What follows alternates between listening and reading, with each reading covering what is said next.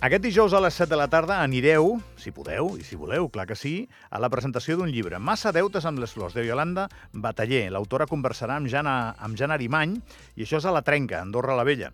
I tinc la gran sort que la Yolanda ens està escoltant. Yolanda, bon dia.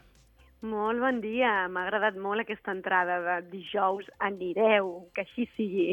Doncs que... Massa deutes amb les flors a la trenca aquest dijous. Aquí som així. La gent, si no li Clar. dius així, no van. M'agrada, m'agrada. Després resulta que hi ha 50 coses a fer a la mateixa hora i al mateix dia aquí a Andorra, però bueno. Si no poden dijous a la trenca, divendres a la Seu d'Urgell al refugi. Doncs mira, ja... a les 7 de la tarda. Ja queda dit, i així vas i fas un tom per la Seu, que està molt bé això. Ai. Escolta, Iolanda, aquest és un llibre important per tu, eh? És un llibre mm. que, que crec que fa molta il·lusió portar-lo a Andorra, precisament. Molta, molta. Explica'ns per, explica'ns per què. Andorra i arreu. Bé, és un llibre que, com sabeu, he estat 10 anys sense publicar novel·la, entremig he publicat uh, assaig, i que he escrit a poc a poc i amb el mateix to que té aquest llibre, aquest Massa deutes amb les flors, que, que és la història d'aquesta dona, d'aquesta solitària que s'instal·la en aquest poble de pedra, un poble a les Valls Altes, que podria ser qualsevol poblet eh, abandonat de, dels Pirineus que una família decideix recuperar i, i que ens explica la història a partir de les veus del pare, el fill, la filla, el marit de la filla, la mare, etc d'aquests personatges que han salvat aquest poble de pedra, que és un nom simbòlic, i que com tants pobles, als anys 60 va ser abandonat i decideixen recuperar-lo. I és la història d'aquesta família i com la família parla d'aquestes valls des dels anys 40 del segle passat fins a l'actualitat, i no només de les valls, sinó també de la seva vida, de la seva història familiar, de les seves pors, dels seus dolors. A la família hi ha hagut una tragèdia i com a poc a poc se n'adonen que li expliquen en aquesta solitària, en aquesta desconeguda, en aquesta forastera, coses que no només no s'havien dit mai entre ells, sinó que no s'havien dit mai ells mateixos. No? És la reivindicació de com allò que ens costa explicar, allò que ens és més difícil d'explicar, és el que val la pena de, de ser explicat. No, jo et deia, Iolanda, que et devia fer il·lusió presentar-ho aquí a Andorra, perquè som gent de muntanya, perquè hi ha Clar. muntanya, o sigui, perquè potser tot això que m'estàs explicant, que té un personatge que no és un personatge humà, que és el context no? és natural... La muntanya, és la clar, muntanya. La muntanya, doncs aquí ho entendrem bé.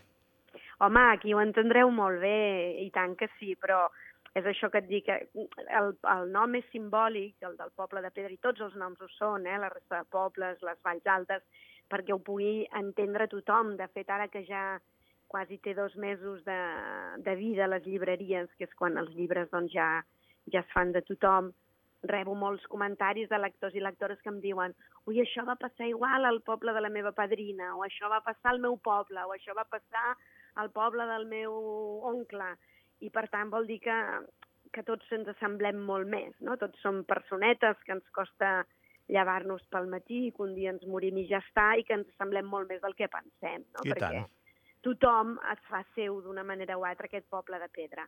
Però com tu dius, Andorra doncs, encara som més a prop de poder entendre la duresa de, de la vida a les muntanyes, no? perquè també hi ha una crítica a la gent de ciutat, que sovint arribem a poblets d'aquests preciosos, meravellosos i això, no? Diem, oh, que preciós, però massa sovint eh, oblidem que perquè nosaltres puguem gaudir d'aquests eh, paratges meravellosos hi ha famílies que hi han deixat la vida. I la família protagonista de Massa Deutes amb les flors és una d'aquestes, no? Per tant, també hi ha això. Explica'ns, Yolanda, si plau, quin nivell d'introspecció i investigació has hagut de fer eh, amb aquest ambient, no?, per, per, per arribar a escriure això.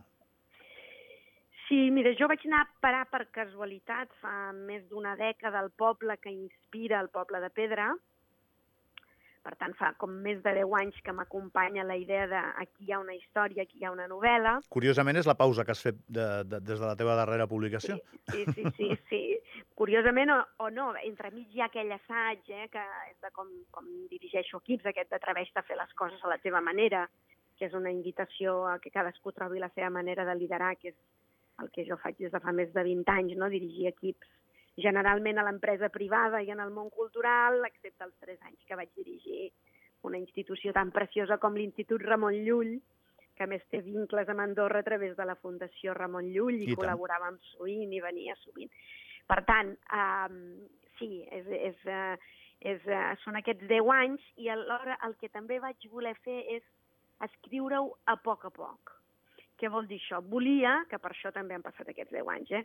volia escriure-ho en el lloc, uh, físicament. Jo sóc una persona, a més a més, que escriu amb llibretes, sóc una persona que escriu a mà i defenso molt l'escriptura a mà. De fet, a la Universitat de València he estat durant uns anys fent un curs que es diu Escriptura des del cos i defenso aquest component físic d'escriure. Aleshores, no va ser fins que vaig cessar de dirigir l'Institut Ramon Llull i abans de començar a dirigir aquest projecte cultural tan preciós que fa quasi dos anys que dirigeixo, que és Ona Pau Claris, on, on us convido tots a venir quan sigueu a Barcelona, aquesta Casa de les Lletres, Casa de Cultura, que està a Pau Claris 94. Entre aquestes dues direccions em vaig instal·lar en el poble que inspira el poble de Pebre. I vaig escriure allà, vaig viure amb la família, que, que doncs, feia més de 10 anys que coneixia i que de tant en tant visitava i que ja els havia explicat, hosti, un dia vull explicar la història d'aquestes valls, d'aquest poble recuperat de, de la família, etc.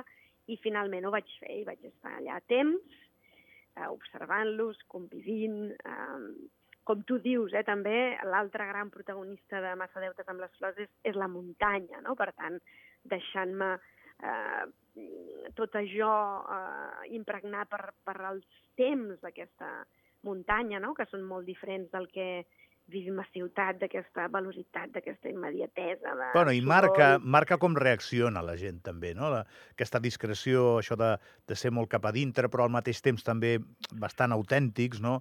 La desconfiança, eh, bé, de tot això que es va obrint a poc a poc. No sé, jo crec que la gent de muntanya té, té aquests valors, eh, no tothom, evidentment, no tothom és idèntic, eh? però, però m'imagino que deuen estar retratats en la teva obra, no? Sí, és així. De fet, ja el moment clau, eh, com deia, la novel·la va dels anys 40 del segle passat a l'actualitat, i el moment quan s'abandonen la majoria de, de pobles, no només eh, aquestes valls, sinó possiblement arreu del món, pel que m'expliquen altres persones, és quan als anys 60, més o menys, des dels despatxos, eh, des d'on sovint es prenen les decisions, persones que no havien posat mai els peus en aquests poblets simplement eh, de manera numèrica deien, ai caram, mira, en aquests poblets ja neixen molt pocs nens i nenes, tancarem l'escola. Tancarem l'escola, aquesta, eh, tancarem l'escola, que hi deixin d'haver mestres, que hi deixi d'haver escola, és matar el poble perquè les famílies no es poden permetre conduir dues hores, tres hores per portar la mainada a l'escola i després de tornada. Per tant, què passava? Doncs que la majoria de famílies passaven a viure a ciutats. Canvien de residència, clar. Hi ha alguns, com, com ho, dic perquè aquesta desco- la paraula desconfiança que tu has mencionat que també està present, no? i alguns es quedaven com la família protagonista. I llavors què passava? Que els que es quedaven veien la gent que havia anat a ciutat, és igual, eh, obrir un bar, un taller mecànic o a treballar en una porteria, però que ja tenien cotxe, ja tenien nevera, ja tenien eh, tota una sèrie de suposats privilegis, no? telèfon, quan aquí a, a, en aquestes valls encara no hi havia nevera, no hi havia telèfon, quasi no hi havia cotxe. És a dir, eh, eh, uns desconfiaven dels altres, la qüestió, però, és que, per exemple, les persones que marxaven a ciutats, jo vaig fer una feina maca de parlar amb les padrines aquí a les valls que tornaven, no? que havien tornat ja amb més de 80 anys, i m'explicaven com netejaven la roba als anys 40, no? i la netejaven a la bassa, i la bassa a l'hivern es gelava i no tenien ni lleixiu i ho feien amb cendra, però clar, ho feien en un paratge meravellós com el que teniu vosaltres a Andorra, no? És a dir, que el sostre era el cel.